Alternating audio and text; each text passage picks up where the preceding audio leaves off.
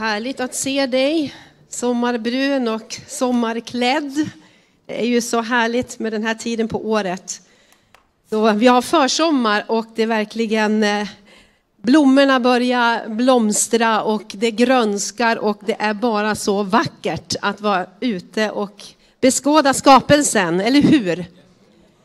Eh, väldigt roligt att du är här idag och vi ska få dela Guds ord, vi får dela gemenskapen, dela bönerna, dela våra hjärtan. Eh, Gud är mitt ibland oss och eh, vi ska få bara ta emot eh, Guds eh, ord också den här morgonen. Eh, och jag har bett att Herren ska förberett ditt hjärta och förberett mig att kunna kommunicera och tala ut eh, det som jag har på mitt hjärta.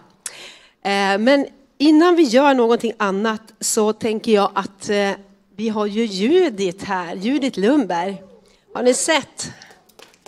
Varsågod och stå upp Judit. Kom fram. Judit Lundberg har kommit tillbaka. Hon är ju vår missionär.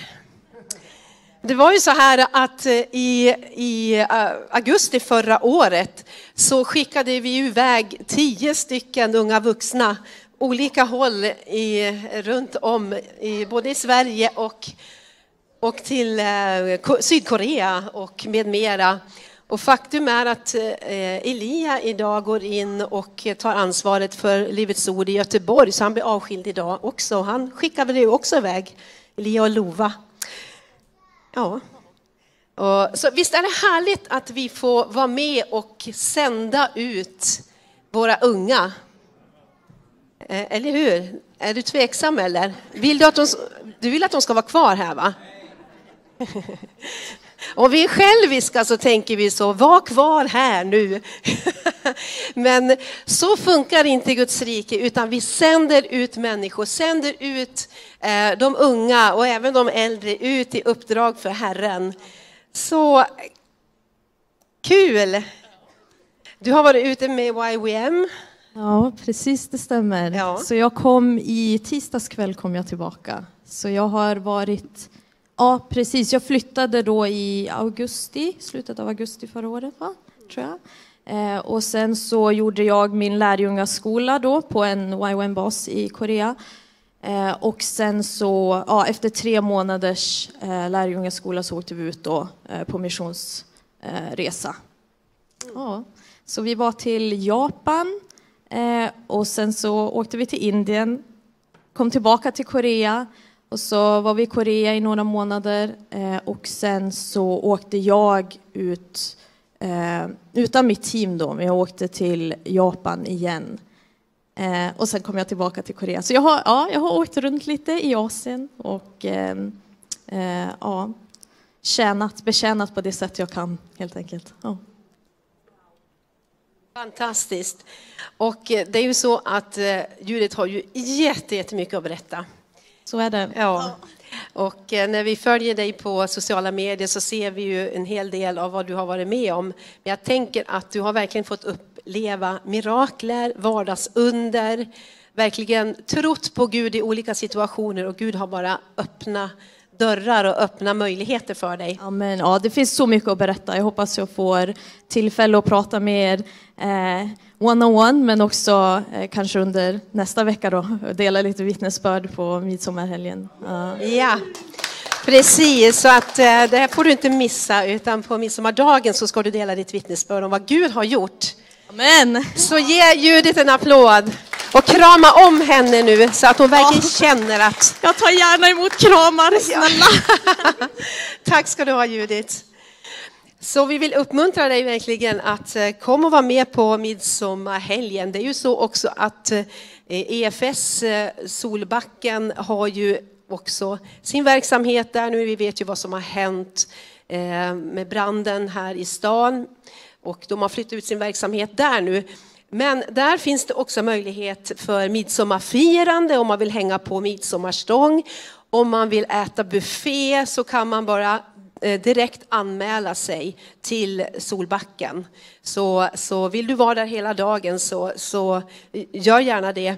Och sen på kvällen så har vi gudstjänst, lovsångsgudstjänst och EFS har också samlyst den här gudstjänsten tillsammans med oss. Yes. Kom och se vad Gud har gjort. Ja, Gud gör så mycket mirakler och vi fick ju vara med om ett väldigt mirakel eh, den här veckan som var. Du som var med förra söndagen, du kanske kommer ihåg eh, Hasse predikar om miraklernas Gud. Är det någon som kommer ihåg? Miraklernas Gud och vi behöver tro Gud om stora mirakel. Och under gudstjänsten så fick Thomas ett sms ifrån våra kära vänner Frank och Yvette vet inte om ni kommer ihåg dem, men de var här i församlingen under ett antal år och kom från Afrika, ifrån, ja, de kom från olika länder där och flydde och eh, var verkligen i behov av att få ett skydd. Eh, och de har fött två flickor under tiden de har varit här och sen efter ett tag så flyttade de upp till Boden och fick jobb där. Sen fick de fly till Finland och vi har haft den här kontakten med dem under hela tiden. Och eh, nu då under våren här så fick de den sista eh, möjligheten att ansöka om att få stanna, men det blev avslag. Och eh, de var så förtvivlade. De ropar på hjälp. Vi har försökt på alla sätt och vis med, med både jurister, vi har försökt med våra kontakter i Finland, Eh, och så fick vi då under gudstjänsten att nu har de tagit min fru och mina barn och satt dem i förvar. Så nu är det liksom, nu är det över. Och eh, det här bara, jag vet inte om du kommer ihåg, Thomas klev upp på slutet av mötet och sa nu bara ropar vi till Gud om ett mirakel. Amen. Nu ropar vi till Gud om ett mirakel. Och tänk att det är nästan det sista man gör. Man har provat allting. Så börjar man ropa till Gud i förtvivlan. Och sedan på eh, eh, söndagskvällen, eh, måndagskvällen så fick vi besked av Frank. Mirakulöst så har vi fått uppehållstillstånd i Finland. Amen. Helt fantastiskt och det är ju säkert många som har bett för dem. Men så, vilken vändning på något sätt. Det var fullständigt för, förtvivlan. Och det, var, det, var liksom, det fanns ingen väg ut, det, var, det hade gått till gränsen. Men då trädde Gud in. Och ibland är det så att Gud bara måste få komma och visa att jag är miraklernas Gud. När det inte finns någon annan utväg så så bara för att visa att jag gör mirakel så kan det gå så här långt. Så vi bara är så tacksamma över denna fina familj, att de får stanna här nu och få verkligen bygga upp ett liv i Finland och lära sig finska tänker jag också. ja, det är bra. Härligt.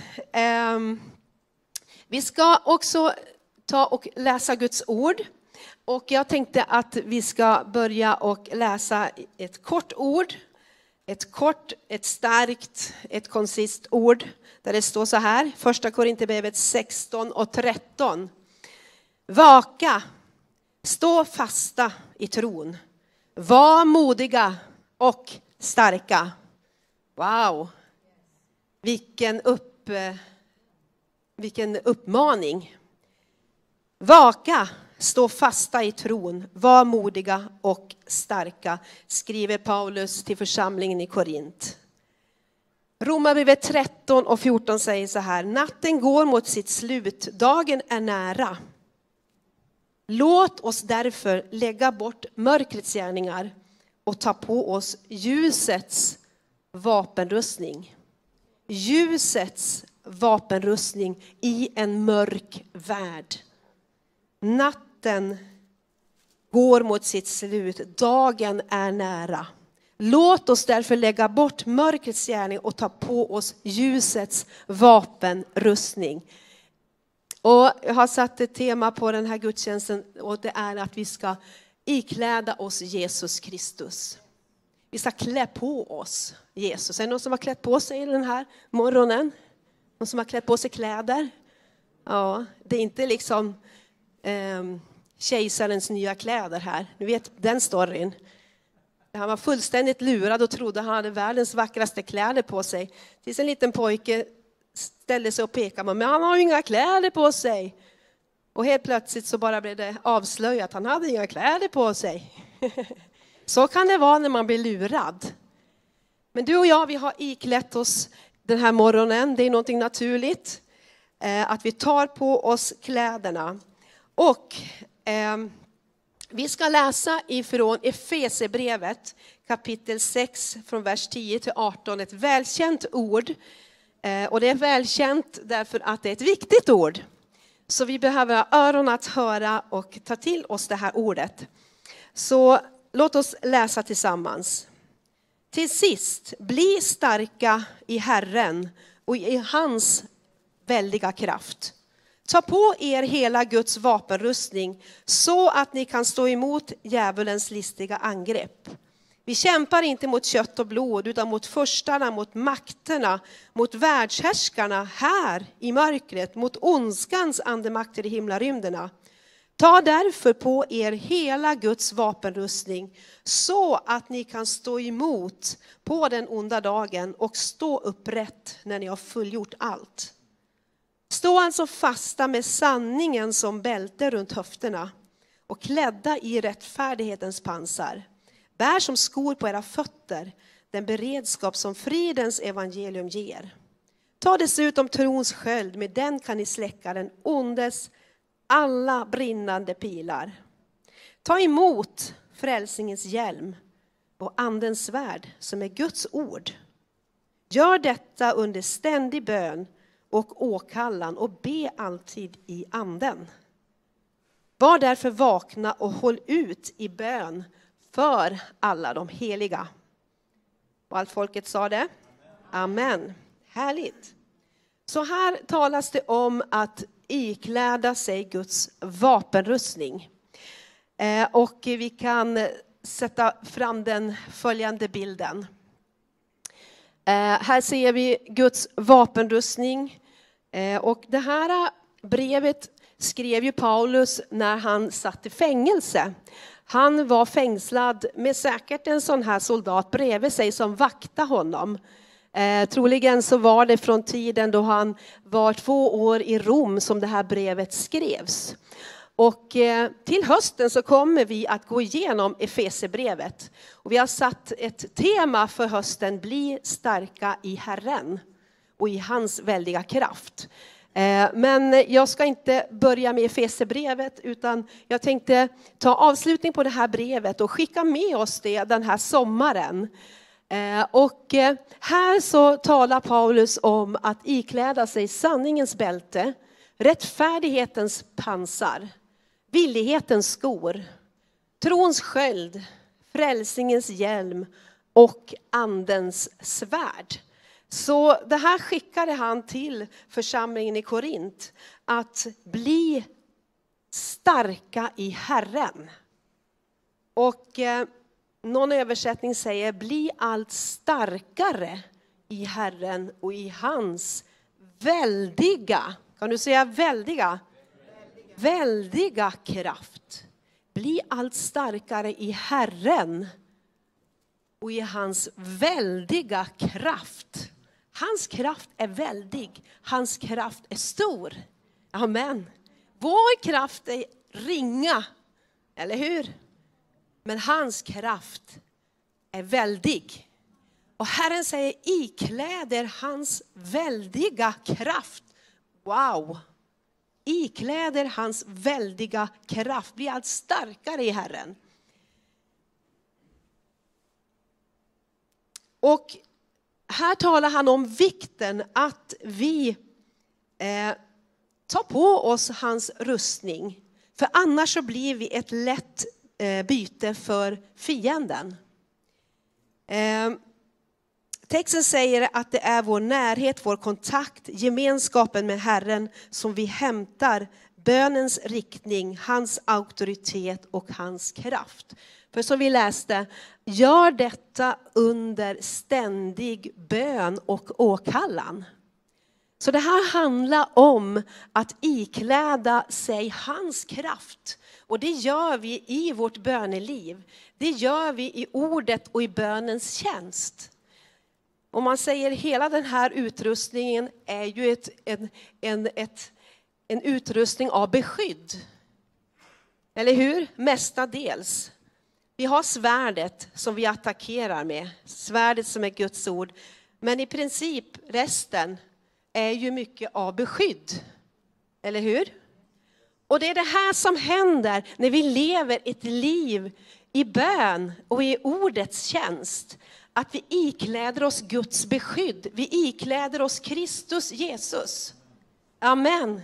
Så när, när, när en sån här eh, soldat kommer är det ju jättesvårt att se vem som är där bakom, eller hur? Det är en hel rustning som kommer. Men om man tittar riktigt noga så kan man se ögonen, så kan man se vem som döljer sig där bakom. Och det är det här vänner som händer när vi har ett levande böneliv. När vi gör ett utbyte och tar på oss hans väldiga kraft. Därför vår kraft är ringa. I oss själva kan vi inte stå emot fienden. Och precis som vi läste här, vi är i ett, på ett stridsfält, vare sig vi vill eller inte. Är vi Guds barn så har vi en motståndare. Och är vi inte Guds barn så har vi också en motståndare. Men vi ska inte tro att fastän vi har tagit emot Jesus, vi är i Guds familj, vi ser fram emot himlen, av gator av guld där allting är perfekt, så lever vi här på jorden. Och vi går motströms.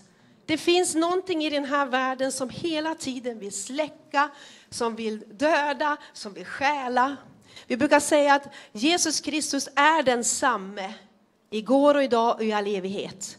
Men det är också så att fienden, djävulen, är densamme igår, idag och i all evighet. Han förändras inte. Han ljuger, han eh, kommer med lögner, han hela tiden förvränger sanningen. Och det är det som den här texten talar, på, talar om. Så ifrån vers 10, ta på er hela Guds vapenrustning så att ni kan stå emot. Att ni får kraften att stå emot. Djävulens listiga, alltså hans lömska angrepp. Och eh, Grundordet här som vi kan läsa från kärnbibeln är metodeia.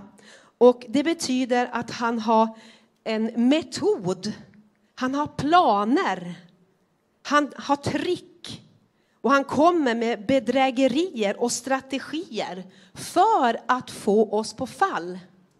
Det är det som han håller på med. Han kommer inte liksom som ett vitt spöke och säger Buh! Utan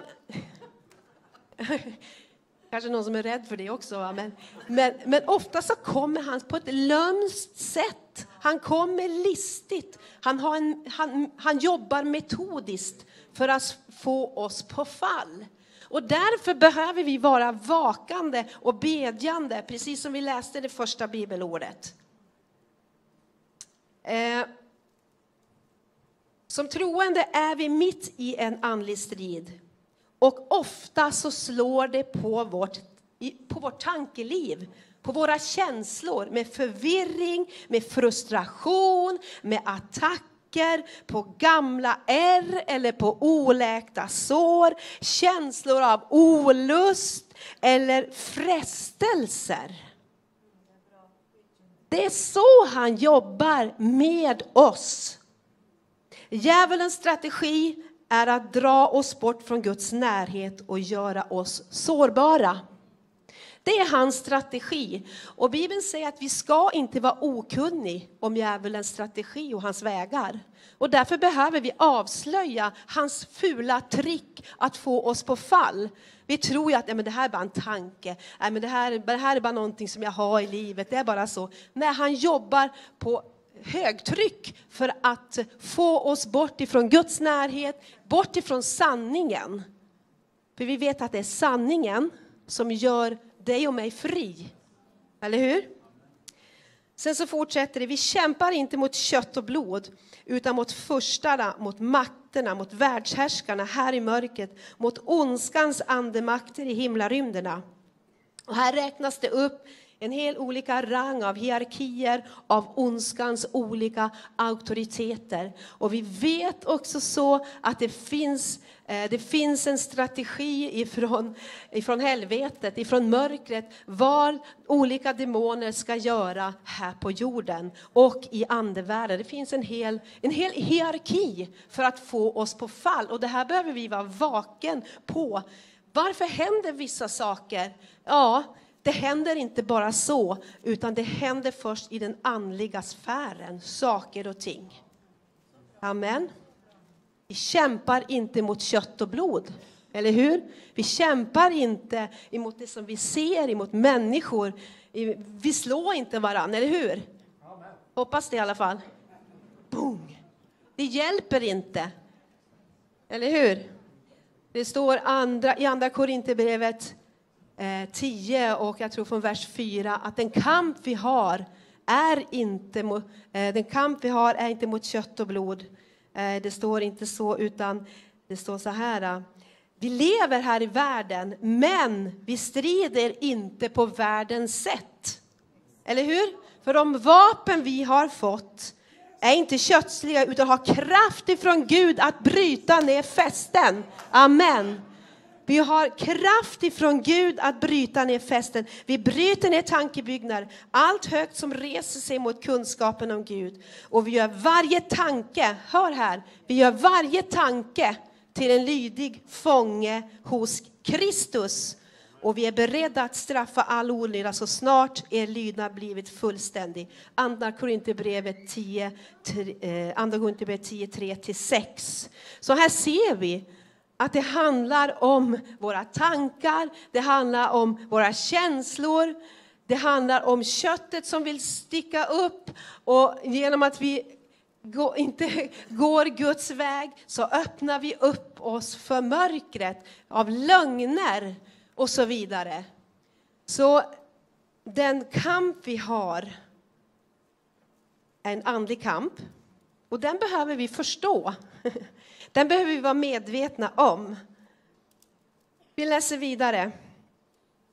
Eh, Ta därför på er hela Guds vapenrustning så att ni kan stå emot på den onda dagen. Eh, men vad är det här för fel profetia? Kommer en ond dag? Ja, det kan komma onda dagar. Det vet vi alla att det kommer dagar som är tuffa. Det kommer dagar som eh, vi önskar att de aldrig skulle ha kommit. För vi lever i den här världen och vi har inte full koll. Men Gud har full koll. Han har full koll på våra liv. Och så fortsätter den, stå därför upprätt när ni har fullgjort allt. Så att när vi går igenom frestelser, när vi går igenom fara, när vi går igenom demoniska attacker i våra liv, så kan vi stå fasta och behålla fältet. Varför då? Jo, vi ska se på att vi kan vinna seger över de här attackerna i våra liv. Amen. För det kommer onda dagar, det kommer mörka dagar, det kommer dagar då vi kan vara så under isen. Det händer saker i våra liv som gör att onda dagar kommer. Men Herren säger att vi ska ta på oss Guds vapenrustning så att både vi kan stå emot och stå fullrättad eh, när vi har fullgjort den här kampen. Stå alltså fasta. Och eh, det här är en otroligt viktig point i det hela, att stå fast. Att stå fast. Vad säger Guds ord? Vad är sanningen? En förutsättning för att kunna strida är att behålla fältet, att stå fast, att inte backa trots att fruktan kommer. Att stå orubblig. Även om fienden målar upp nederlag, och det inte känns bra så behöver vi stå fasta på vad Gud säger. Spelar ingen roll vad jag känner, spelar ingen roll hur det ser ut. Jag står fast. Stå därför fasta. Det är en del av fighten, att inte backa och säga nej men det, det händer ingenting. det blir i alla fall så här, det har alltid varit så här, kommer alltid att bli så här. Men vad säger Gud? Stå fast, var orubblig. Amen. Ta på er sanningen som bälte runt höfterna. Amen. Och eh, när vi ser den här bilden utav, eh, vi kan sätta fram den här, eh, yes. Där så ser vi den här soldaten med rustningen. Och eh, de hade alltså ett bälte runt sina höfter som egentligen i princip höll upp hela rustningen så att hela rustningen inte liksom eh, att de tappade den eller att den blev sned och att, att det höll också upp eh, de här underkläderna så att ingenting fladdrade. Bältet var otroligt viktigt att det satt på plats, att man drog upp det för att hela rustningen skulle kunna sitta. Hur vet du det här Maria? Ja, men jag har ju läst på. Precis som att jag skulle vara kunnig i det här. Nej, men jag har ju läst på och det är ju det som är så intressant att se när man läser om det här. Så bär inte på lögn. Sanningens bälte. Vad händer när vi bär på lögn? Ja, vi vacklar. Vi, blir, vi tappar frimodigheten. Vi tror oss inte om att klara saker. Bär sanningen, sanningen om vem du är, sanningen om vem Jesus är, sanningen om korsets kraft. Amen. Att du strider inte den här striden själv, utan det är Herren som strider den för dig. Amen. Och du kan gömma dig in i den här rustningen och Klä på dig sanningen. Sanningen gör oss fri. Sanningen gör oss glad. Sanningen ger oss frimodighet.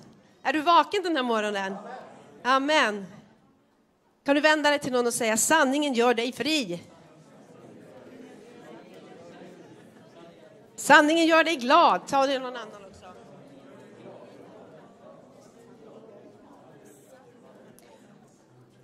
Amen. Johannes 8.32 säger att sanningen, ni ska lära känna sanningen och sanningen ska göra er fria. Sanning, vem är, är sanningen bara ett skrivet ord? Vem är sanningen? Jesus, ni ska lära känna sanningen. Ni ska lära känna Jesus. Och det är det som händer i, i vår bönekammare. Vi ska lära känna Jesus. Han är sanningen. Amen. Och sanningen, Jesus, gör er fri. Amen. Från lögnen, ifrån fruktan, ifrån allt som bara vill binda oss och få oss att och, och känna oss bedrövliga och tro att oss inte om någonting eller någonting annat. Få oss stolta i vår egen kraft. Och så fortsätter det. Klä er i rättfärdighetens pansar. Och eh, eh rättfärdighetens pansar, det var alltså ett, en, eh, eh, ett, en pansar som skyddade de mest eh, viktiga delarna, hjärtat, bröstet, amen, så att inga pilar kom, så att de inte blev skjutna utav eh, liksom, de, de, viktiga delarna.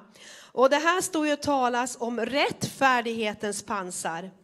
Genom tron på Jesus får en människa ta del av Guds rättfärdighet och är fullständigt förlåten från all synd. Så utan ett rent samvete blir vi paralyserade och faller offer för fiendens anklagelser. Vad händer om inte vi lever i hans rättfärdighet?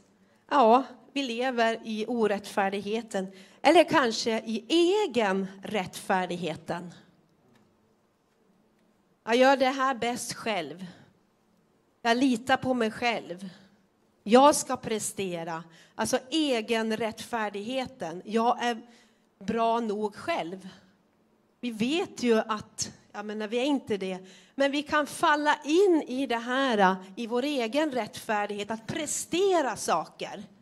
Men vi behöver leva i sanningen, i Herrens rättfärdighet och veta att det bara är nåd. Veta att det är sanningen att han har gett oss sin rättfärdighet. Inte på grund av vad vi har gjort eller låter bli att göra, utan på grund av vad Jesus gjorde. Och när vi lever i hans rättfärdighet, amen, så kommer glädjen, så kommer friden. Eller hur? För det är hans rättfärdighet som skyddar oss. Och sen så fortsätter vi, är du fortfarande på gång en liten stund till. Bär som skor på era fötter den beredskap som fridens evangelium ger. Och det här handlar om villigheten, det handlar om ivern, om en skyndsamhet. Att ha frid med Gud. Gud ger en lätthet att gå ut med evangeliet, men också Eh, att aktivt stå stadiga i striden. Det är vad beredvillighetens skor gör i våra liv. Och tydligen så hade de under, de snörde på sig skorna och under skorna så hade man så här spikar för att de skulle stå stadiga. Är det någon som har provat spikskor någon gång? Det gjorde man på min tid. Att man spikskor när man sprang 100 meter. Det var jätteviktigt. Men spikskor, eh, det hade de under sina, sina skor för att stå stadigt. Ta på er beredvillighetens skor. Och det handlar om att när vi tar tid i bön, när vi umgås med Gud så ger det oss en villighet, det ger oss en iver att tjäna Gud. För våra liv handlar om ett givande, det handlar om att ge vidare det Gud har gett oss. Och det är det som ger oss frid. Amen. Det är så tvärt det här med beredvillighetens ord som fridens evangelium ger. Så när vi läser Guds ord, när vi inte tar tid i Gud, så blir vi sådana som jättegärna bara pysslar om oss själva. Vi har det ju bra ändå.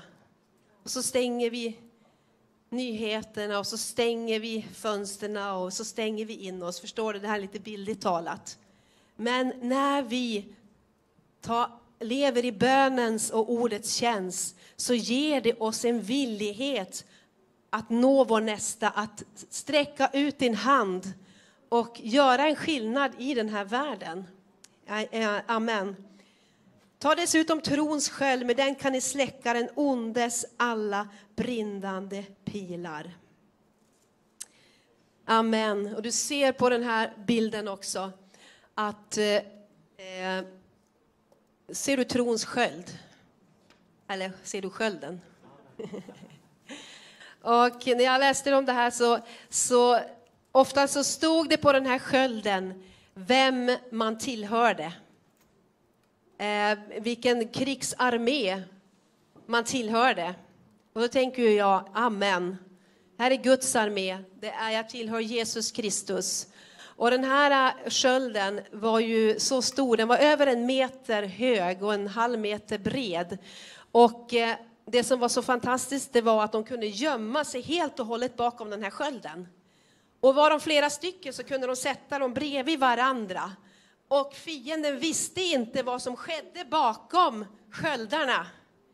Och då tänker jag så här, tänk vilken styrka att vara tillsammans som Kristi kropp. Vi sätter upp sköldarna och vi bara finns där bakom, stöttar varandra, hjälper varandra och är under Guds beskydd. Amen. Så trons sköld utsläcker fiendens alla brinnande pilar. Och Gud har gett oss i Romarbrevet 12 och 3 ett mått av tro. Vi har alla fått ett mått av tro. Så tro inte att du inte har tro. Du har tro.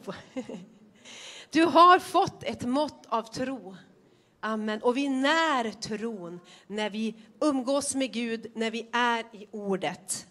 Amen. Eh, och eh, när vi inte tron, hur lätt är det inte att leva i fruktan? Trons motsatt är ju fruktan, eller hur? Så när vi inte när vår tro, när vi inte låter hans eh, ord och hans ande få ge liv till vår tro, så är det lätt att börja leva i fruktan, att, att tvivel kommer in och så vidare. Men Herren vill att vi ska leva på löftena, leva i tro. Och precis som jag predikade förra gången, att vad ser du för någonting? Det är inte så att vi alltid ser i det fysiska eh, det som vi ser med våra andliga ögon. Men tron är en övertygelse om det som man hoppas. Ting som man inte ser, det är tro. Och Herren vill att vi ska leva i tro. Tro på löftena, tro på att det han säger ska ske. Amen. I våra liv, i våra familjer, i vår omnejd. Att löftena ska få sin fullbordan. Och då lever vi i tro. Vi kopplar ihop med Guds löften. Yes. Amen. Det står i Psaltaren 7.11. Min sköld är hos Gud. Han frälser dem som har ärliga hjärtan. Ta emot frälsningens hjälm. Och frälsningens hjälm är ju det som bevarar våra tankar, ger hopp om befrielse. Det gör att vi kan tänka klart.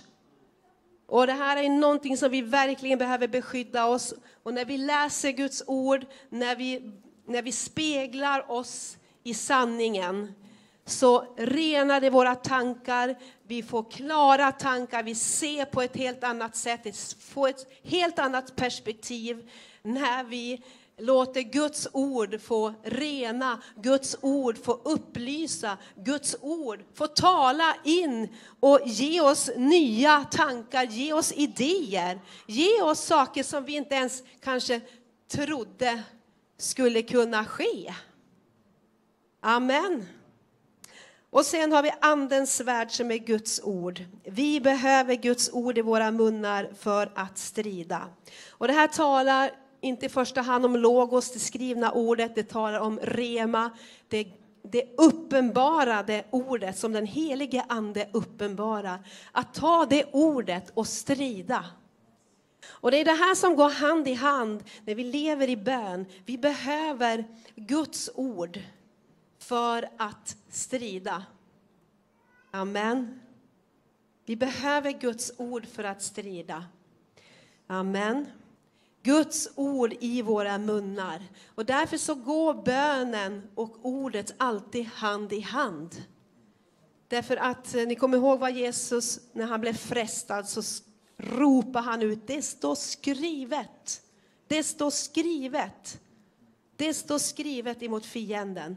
Och det var som ett svärd som gick ut och han vann seger över fienden. Och det här är ett vapen Gud har gett oss. Att vi behöver fylla oss med Guds ord så att vi vet Guds vilja. För när vi ber om Guds, eh, efter Guds vilja så har han lovat att ge oss vad vi behöver. Men vi behöver också tala ut emot fienden.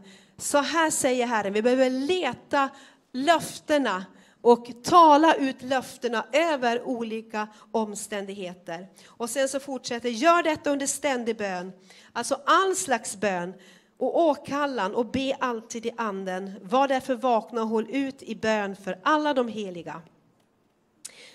Oj, oj, oj, be ständigt. Be ständigt står det. Hur är det möjligt? Jag tänker så här, att vi vi har våra bönestunder. Men när vi lever i den här världen, när vi ser på nyheterna, vi ser saker som händer, låt oss sucka till Gud. Låt oss säga till Gud, Gud kom med din lösning i den här situationen. Gud stoppa våldet. Gud kom och hjälp den här personen som är sårad. När vi gör det så registrerar himlen det. Och jag tror att vi behöver vara frimodiga och tro ännu mera på våra böner. Och det var så uppmuntrande då vi hade Gene Braxton här. Ni som var här och han, han som eh, var i himlen i en timme och 45 minuter. Han var död, men han var ju i himlen och levde och fick se. Och han tog eh, mycket upp om det här också, att uppmuntra oss att fortsätta att be. Därför Gud vill mycket mer än vad du vill ge bönesvar än vad du önskar att få bönesvar. Han mötte Jesus och såg hans villighet att hjälpa varje människa. Han var full av kärlek, full av nåd. Och han fick se människor som han inte ens hade en aning om att de kunde vara i himlen. Men Jesus, han hör våra böner. Och låt oss bara sucka och be ständigt, när, där vi går fram. Välsigna platser där du går. När du åker ut den här sommaren, bara be för platser du kommer. Be för människor som du möter. Det registreras i himlen. Och vi vet inte hur det går till, men Gud verkar. Gud verkar. Och eh, han verkligen uppmuntrade oss att fortsätta att be, ge aldrig upp. För ni kommer, det, det blir svårt att komma undan bönerna. Amen. Amen. Amen. Så eh, vi ska läsa ett sista bibelord där det står så här. Jag gläder mig stort i Herren, från Jesaja 61, 10-11. Jag gläder mig stort i Herren. Min själ fröjdar sig i min Gud, för han har klätt mig i frälsningens klädnad och svept in mig i rättfärdighetens mantel. Som när brudgummen sätter turbanen på sitt huvud och när bruden pryder sig med sina smycken. Jag gläder mig stort i Herren, min själ fröjdar sig i min Gud, för han har klätt mig i frälsningens klädnad och svept in mig i rättfärdighetens mantel. Amen. Och det är det här som händer när vi tar tid inför Herrens ansikte. Och eh, det är så härligt att se den här kombinationen. Gud verkar eh, lika mycket över bedjaren som han verkar över böneämnet. Så när vi ber så blir vi starkare i Herren. När vi sträcker oss ut så blir vi själva starka, så är vi under Guds beskydd. Amen. Det är det som händer. Och eh, jag vill bara uppmuntra dig den här sommaren också att, att verkligen eh, ta en stund varje dag i ordet, i lovsången, i bönen. Missa inte den möjligheten, därför att eh, fienden går som ett rytande lejon för att uppsöka oss och för att eh, stjäla, slakta och förgöra. Därför behöver vi vara vakande, vi behöver vara bedjande, eh, för att vi lever i den här världen. Okej? Okay? Vi har också gjort så att vi har satt upp en sån här bönevakt. Om du går ut där ute vid den här stora, ja, vad ska man säga, eh, montern där ute så finns det möjlighet att också signa upp den här sommaren för en, en bönetimme eller flera bönetimmar. Vi har också här på bönerummets dörr så har vi satt upp under juni, juli, augusti att eh, ha en bönevakt. Eh, därför vi det är ju så att vi annars har ju bön här på morgnarna och vi upplever många gånger, de som kan komma på morgnarna här, att vi verkligen är en bönevakt. Vi är en bönevakt och nu under sommaren så har vi ingen bön, men jag tänker att eh, Gud är densamme överallt och han är med dig och mig och eh, därför så tror jag också att det är viktigt att vi går in och också ber för församlingen, vi ber för våra unga, vi ber om beskydd över vår stad, vi ber om beskydd över vårt land. Därför det är mycket som händer just nu. Det är mycket som händer och vi behöver vara vakande, vi behöver vara bedjande, stå på barriärerna, stå på muren och vakta över vår stad, vakta över de unga, vakta, bönevakten, väktarna i staden får inte tystna. Och när du tar tid och när jag tar tid i bön så blir vi allt starkare. Vi blir allt starkare i Herren, det är det som händer. Amen. Så det tar inte tid ifrån oss, det tar inte kraft, utan det ger oss någonting. Det är det som är så fantastiskt. När vi sår in tid, när vi sår in böner, när vi sår in lovsånger, när vi sår ut att prata med människor, så får vi skörd i våra liv. Amen. Och vi blir allt starkare i honom. Underbart. Låt oss stå upp tillsammans. Halleluja. Tack Jesus. Amen.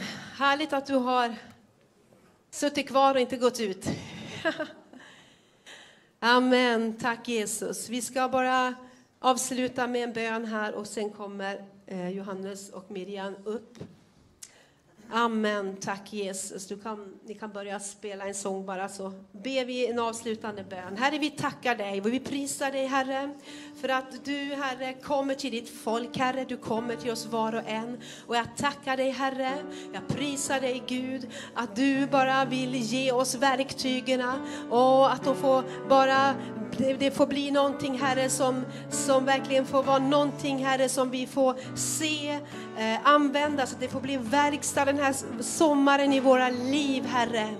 Åh Herre jag tackar dig, jag tackar dig Herre. Ora basikirele mesentoro loboria. Ora bekendo loboria. Tackar dig Herre för det här utbytet Herre som sker i bönekammaren Herre. Utbytet som sker i bönekammaren. Från svaghet till styrka Herre.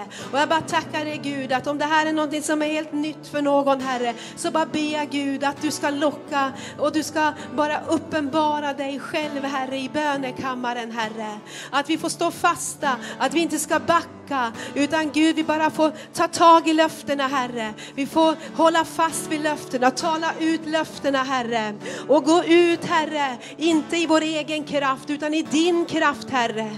Åh Herre vi tackar dig för att vi bara får visualisera och bara se Herre hur vi får vara iklädda den här rustningen där vi går fram Herre. Där vi går fram den här sommaren. Vare sig vi är på semester eller om vi arbetar så får vi gå i din rustning. Vi får gå i din väldiga styrkas kraft kraft, Herre. Beskydda oss var och en. Beskydda hela församlingen, Herre. Beskydda de unga, Herre. Beskydda familjerna, Gud.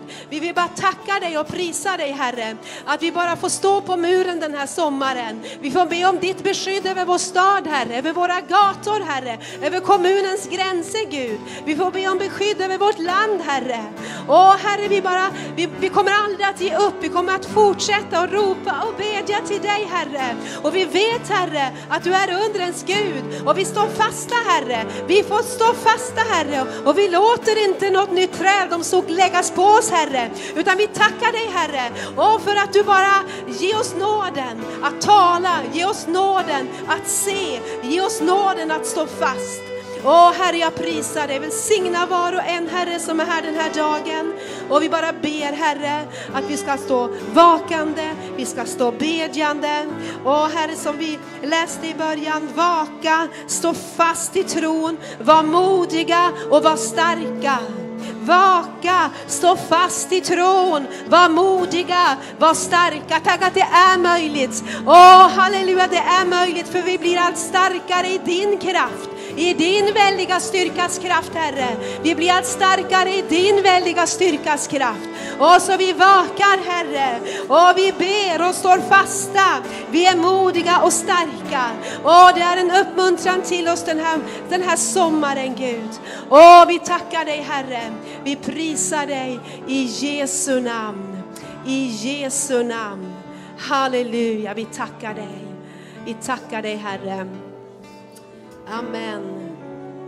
Amen. Så fyll gärna i och bed en timme under den här sommaren eller kan du flera datum, gör det. Det kan vara en hjälp för oss ibland att vi signar upp oss. Eh, så att vi bara bestämmer oss för att ta en timme och be för de här sakerna vi har nämnt och det står också på papperna där. Och är du här idag och du bara känner att det här, ah, och det bara känns så jobbigt, det är så trögt, Låt oss bara be tillsammans. Låt oss be tillsammans. Du har kommit hit idag och du, ja, du lider av sjukdom, du lider av depression, att du bara känner att du är under mörkret. Vi står tillsammans. Du kommer ihåg den där bilden av sköldarna? Vi bara sätter ihop våra sköldar, vi kopplar ihop våra sköldar. Och vi bara kopplar ihop våra sköldar. Och så att fiendens pilar inte kan komma däremellan. eller hur? Det är vad vi gör i bön, vi kopplar. ja, vi kopplar våra sköldar, sätter upp skölden. Och där bakom, ja, där får vi bara få, får vi växa till, där får vi bli helade, där får vi bli upprättade i Jesu namn. Så vi bara tar en stund här också och bara, bara ber här och bara sjunger den här sången. Och vi öppnar också upp bönerummet som vi har här på sidan. Så vill du komma och få förbön så låt oss bara gå, vi kan mötas i bönerummet där. Amen. Tack ska ni ha.